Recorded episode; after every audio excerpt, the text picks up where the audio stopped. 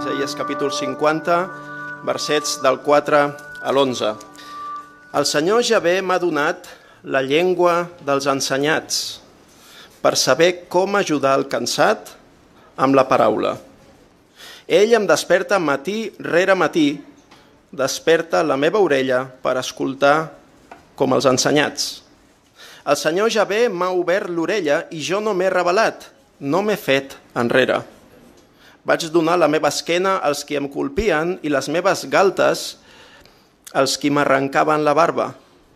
No he amagat la meva cara d'ultratges i escopinada. I el Senyor Javé m'ajuda. Per això no seré avergonyat, avergonyit. Per això posaré la meva cara com pedra foguera i sé que no seré avergonyit. Tinc a prop el qui em justifica. Qui contendirà contra mi? Compareguem junts. Qui és el meu oponent? Qui que s'atansi a mi? Eus aquí, el Senyor Javé m'ajuda. Qui em condemnarà? Eus aquí, tots ells es gastaran com un vestit i l'arna se'ls menjarà.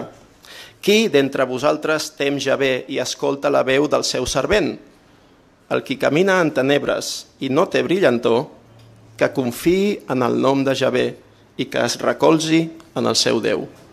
Eus aquí, tots vosaltres, que enceneu foc, que us senyiu de guspires, camineu en la flama del vostre foc i en les guspires que heu encès. Això és el que obtindreu de la meva mà. Jaureu en el lloc del turment. Hola i benvingut al podcast de Ciutat Nova, una església protestant al barri 22 arroba de Barcelona.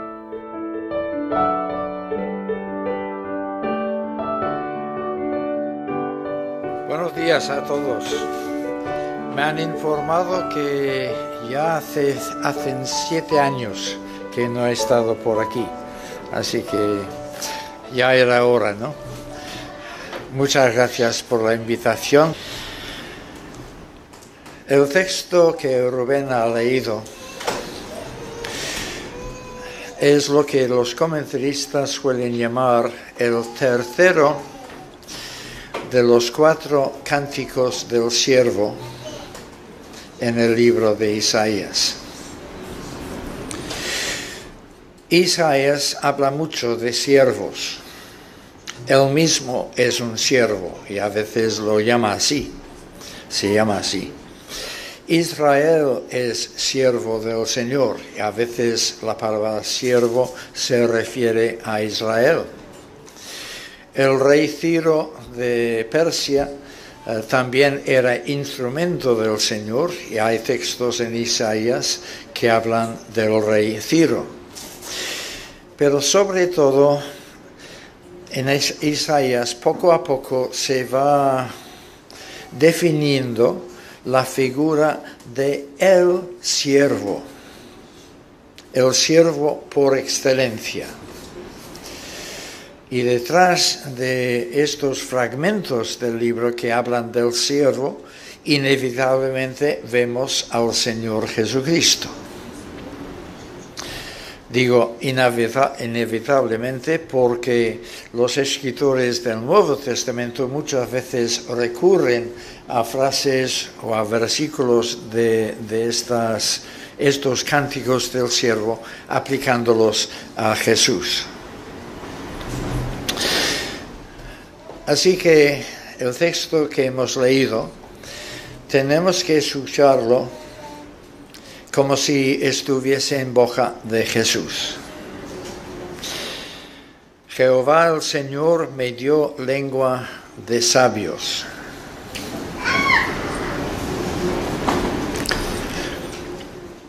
Habréis observado que en la versión catalana no dice sabios,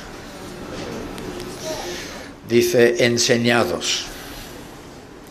Y esto es correcto, sabios no es correcto. Lo siento, amantes de la reina Verera.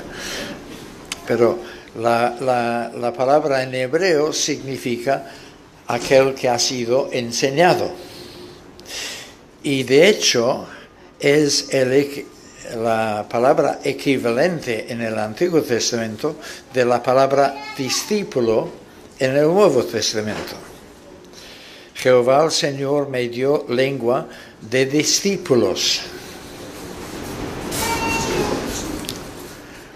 En este versículo 4, el Señor Jesús está anunciando que Él es un discípulo. Estamos acostumbrados a la idea de que Él tenía doce discípulos, pero Él mismo también era discípulo y su padre era el maestro. Jehová el Señor me dio lengua de discípulos. La razón por la que Él pudo hablar y consolar y rezar a los demás era que él mismo había recibido de su padre aquel mensaje. Para esto, como discípulo he sabido hablar palabras al cansado y por supuesto enseguida pensamos en Mateo eh, el texto que dice venid a mí todos los cansados. Jehová despertará mañana tras mañana, despertará mi oído para que oiga como los discípulos. Ahí se repite esta misma palabra. Aquí tenemos al Señor Jesús. Algunos, algunos evangélicos tienen un concepto tan, tan divino de Jesús que casi niegan su humanidad. Pero aquí tenemos a Jesús imponiéndose la disciplina cada día de buscar por la mañana la voluntad de Dios para el día.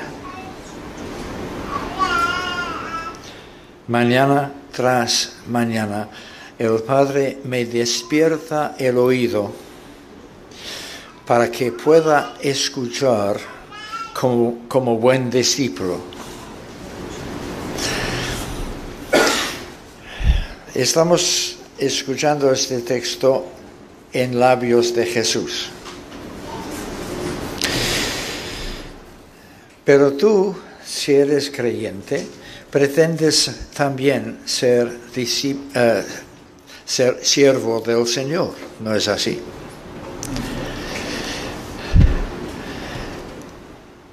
Y en otra, otro nivel de lectura necesitamos aplicar este texto a nosotros mismos. Si nuestro Señor y Maestro tuvo la disciplina cada día de buscar la voluntad de Dios para él en aquel día, ¿cuánto más necesitamos nosotros hacerlo propio? Buscar el rostro de Dios diariamente a fin de hacer lo que Él quiere que hagamos en aquel día. Así que en el versículo 4 vemos a Jesús en su perfecta humanidad, buscando la voluntad de, su Padre para vivir de acuerdo con, con ella. En el versículo 5 vemos que un día la palabra de Dios que vino a él no fue fácil, fue muy difícil.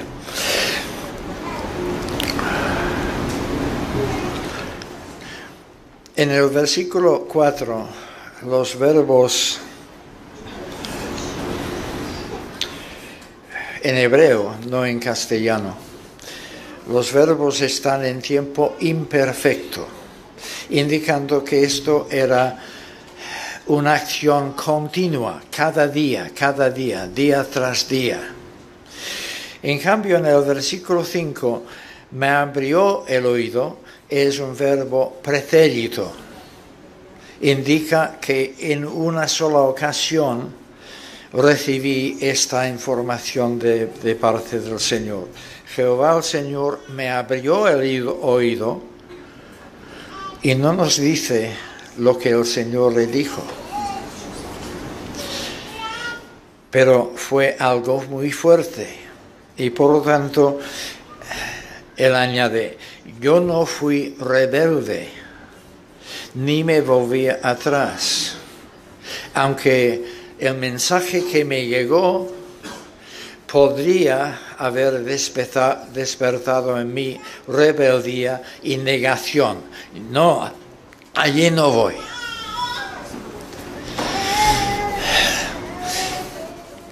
Isaías no nos revela aquí cuál era el mensaje de Dios. Para, él tendremos que esperar al cuarto cántico del siervo en el capítulo 53. De momento, él reserva esta información. Solamente indica que al siervo, con ese mayúscula, cuando Dios le pidió que hiciese algo muy difícil, obedeció.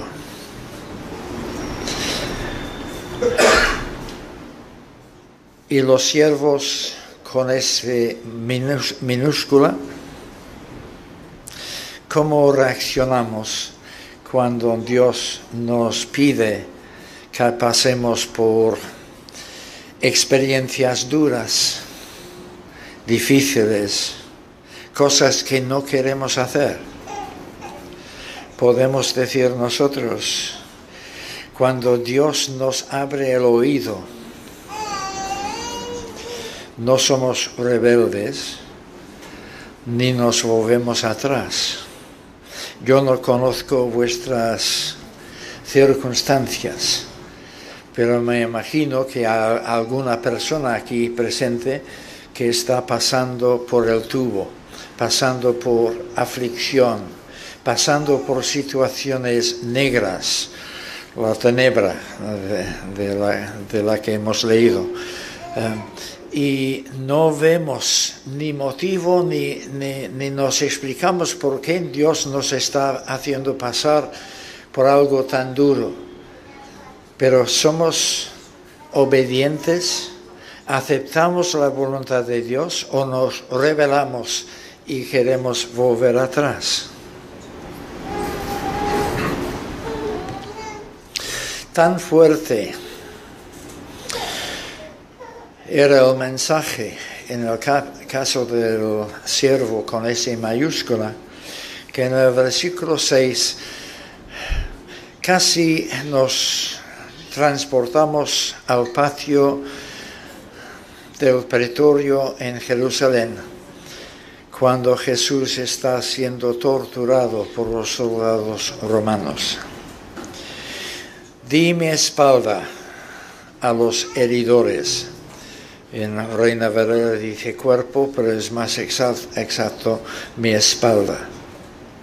A los azotadores. Y en los evangelios leemos cómo Jesús fue azotado.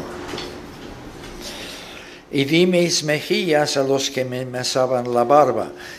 Esto no se dice en los evangelios. Pero bien pensado, Jesús estaba siendo juzgado por pretender ser el rey de los judíos. veo que hay algún judío aquí esta mañana, porque los judíos solían tener barba. Los soldados romanos no. Yo soy soldado romano, Rubén es judío.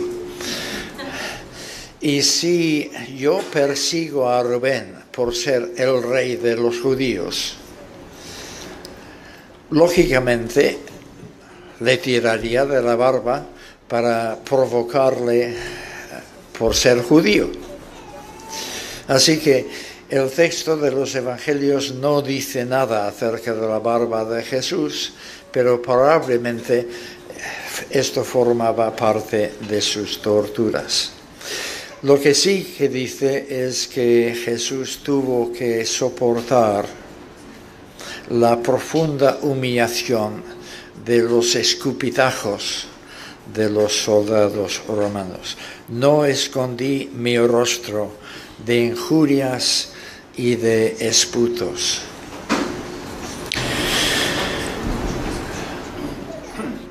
Los evangelios nos dicen que se reunió toda todo el batallón de soldados que había en el pretorio en aquel momento. Es decir, 600 hombres. Bueno, probablemente no quieren decir exactamente los 600 hombres, sino todos aquellos miembros del batallón que estaban presentes en el pretorio en aquel momento. Pero estamos hablando no de dos o tres hombres, sino al menos de decenas y probablemente de centenares. Y uno tras otro, otro se postran ante Jesús burlonamente, le dicen, salve rey de los judíos, le dan un golpe sobre la cabeza con la caña a fin de hacer penetrar más la corona de espinas y luego le, escupan le escupen a la cara. Uno tras otro, tras otro, tras otro, parece que interminable.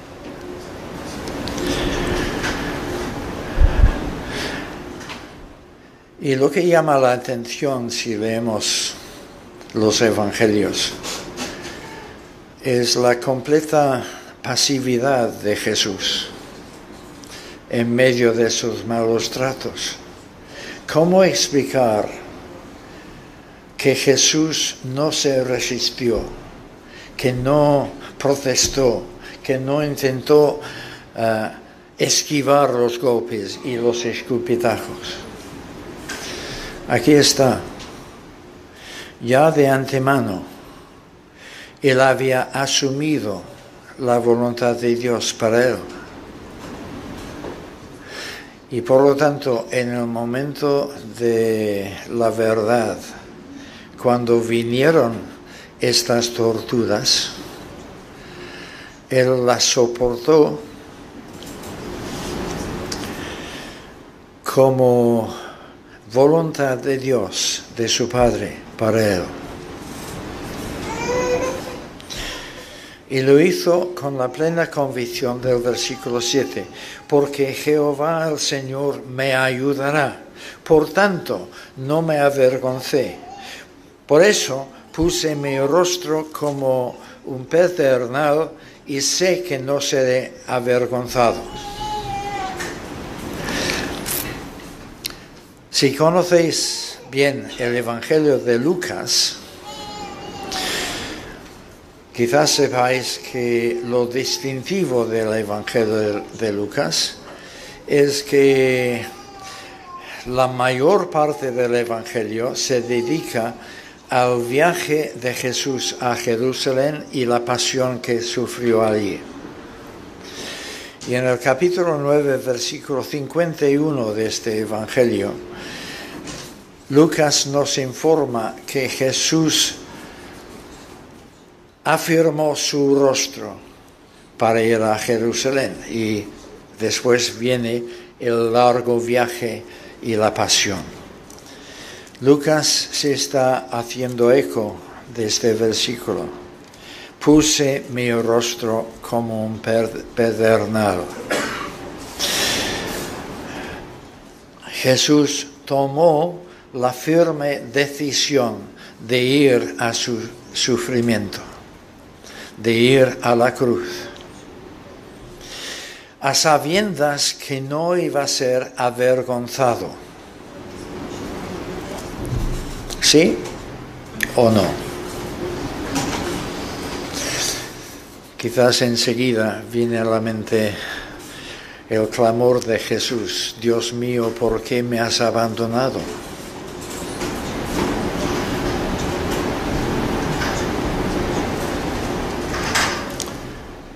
¿Fue Jesús abandonado?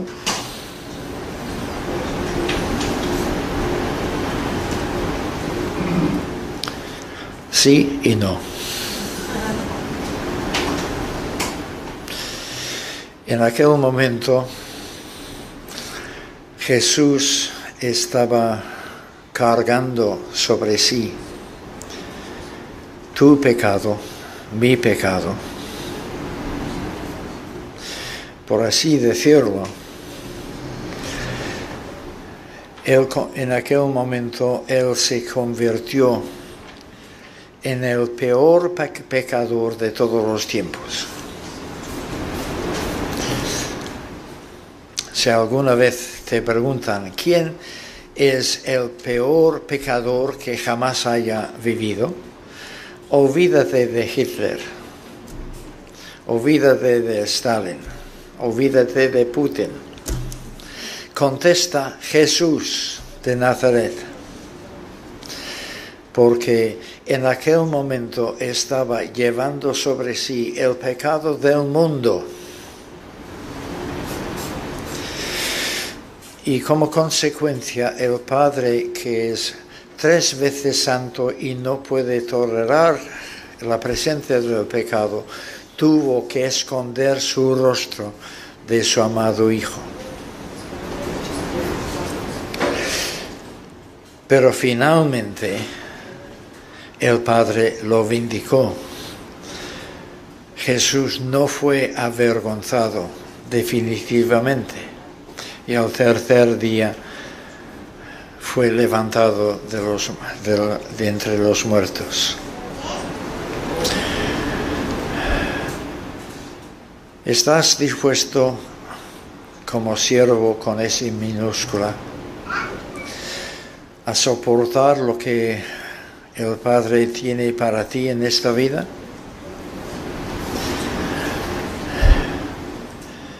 El hombre que fue instrumento del Señor para la conversión de, de mi esposa. Sufrió en la guerra mundial un grave accidente.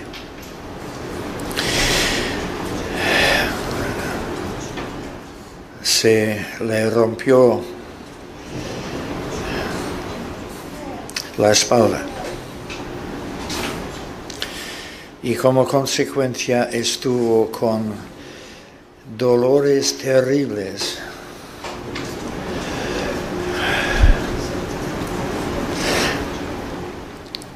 Y en una ocasión él sintió que el Señor estaba preguntando, ¿estás dispuesto a vivir para mí, aún sufriendo estos dolores el resto de tu vida? Y él contestó que sí, estaba dispuesto. Y así vivió. Y fue el instrumento de Dios para la salvación de mucha gente, entre ella mi esposa. Estamos dispuestos a asumir el plan de Dios para nosotros, aunque que este plan tenga momentos de gran sufrimiento.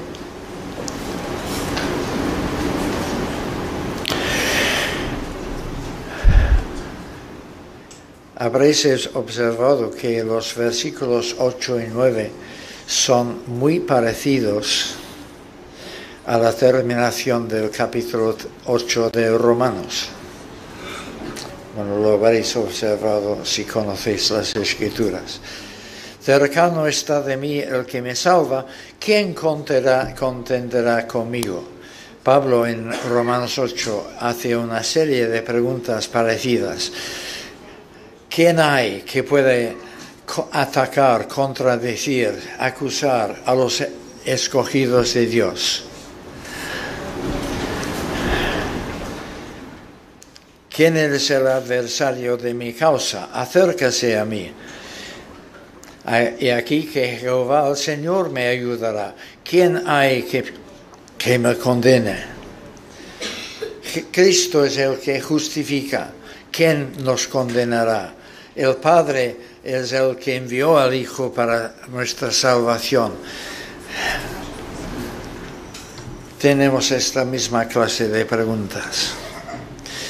Así que es lícito combinar aquí la revelación del siervo y su ministerio y el reto para nosotros los siervos y nuestro ministerio.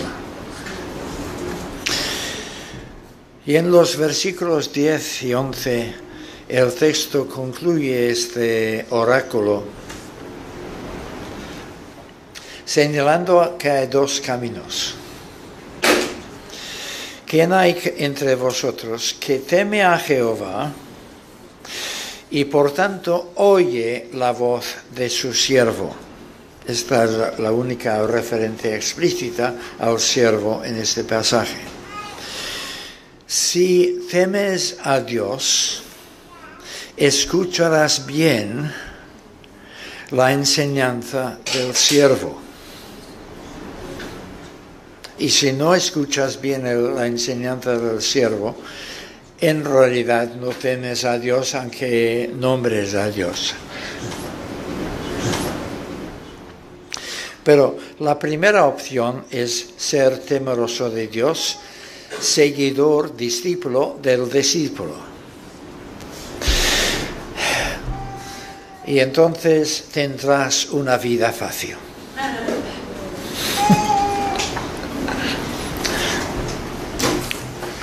La risa que ya fue para despertar a todos los que, que habéis dormido. No, Qué fuerte, ¿no? El que anda en tinieblas y carece de luz, confíe en el nombre de Jehová y apóyese en su Dios. ¿Esto es todo? O sea, está diciendo que si temes a Dios y si sigues la voz de, Jesús, te vas a encontrar en muchos momentos de tinieblas donde careces de luz. Esto es lo que te ofrecieron cuando te presentaron el Evangelio.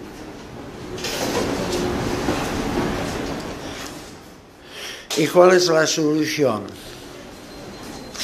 Pues, pues si eres creyente, cree más, confía aún más en el Señor apóyate en Dios. Es una visión sumamente realista de la vida cristiana. El hecho de comprometerte con Cristo no significa que todo vaya a ser fácil. Al contrario, conocerás, este es el plan de Dios para ti te llevará a situaciones de muchísima oscuridad. Cuando todo tu ser interior está desesperado, clamando, Dios, ¿dónde estás?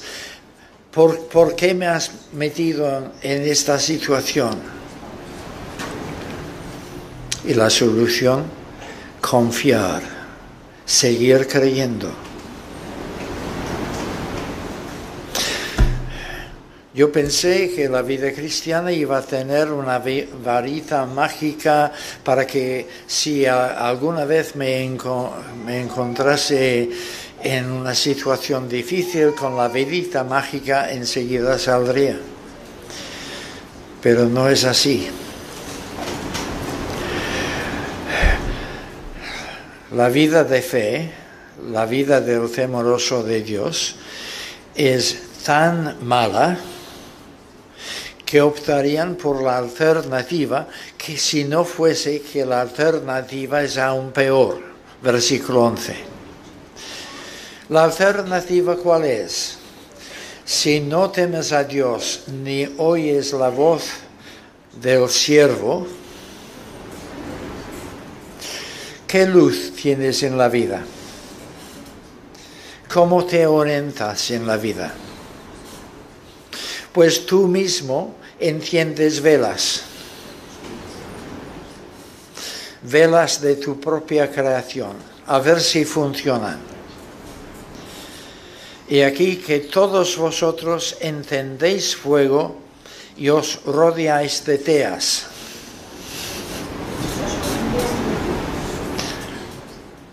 La alternativa a recibir la iluminación de Dios a través de su siervo es inventarte tú mismo tu propia luz para la vida. Es absurdo, pero es lo que hace el 99% de personas ahí fuera. Es un texto que nos ilumina lo que está pasando en el mundo que nos rodea. La gente iluminando sus propias velas, creyendo todo lo que dicen los medios de comunicación,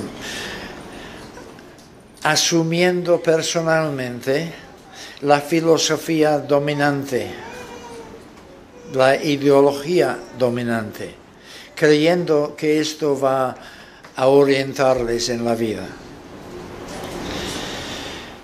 Y la, la palabra de Dios para tales personas es sarcástica. Andad a la luz de vuestro fuego y de las teas que entendisteis. A ver qué iluminación os da. Pero finalmente, de mi mano os vendrá esto, de mi mano, no de las teas que tú has iluminado. En dolor seréis sepultados. Caramba, qué mensaje más crudo, ¿no?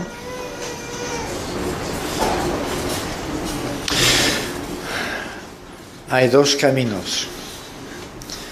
Un camino es estrecho, difícil, cuesta arriba. Es el camino del temor a Dios, el ejemplo del siervo seguir la instrucción de aquel discípulo, gran discípulo, y conduce a la vida. La alternativa parece mucho, mucho más placentero. Seguir la iluminación de los que encienden velas en este mundo. Y vas a ir con la mayoría, te sentirás hasta cierto punto arropado por los demás, no tendrás que ir contra corriente, el camino es ancho, pero conduce a la perdición eterna. En dolor serás sepultado.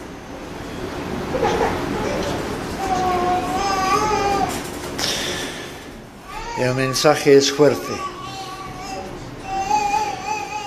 Para allí tenemos al Señor Jesús como forjador del camino. El que no fue desobediente, no volvió atrás, soportó todo lo que tenía que soportar y fue vindicado gloriosamente por el Padre. Y nos invita a que nosotros sigamos este camino. No vamos a ahorrar la necesidad de pasar momentos muy duros, muy oscuros, muy difíciles pero nosotros tendremos esta misma convicción. El Señor Dios está conmigo y por lo tanto no seré avergonzado.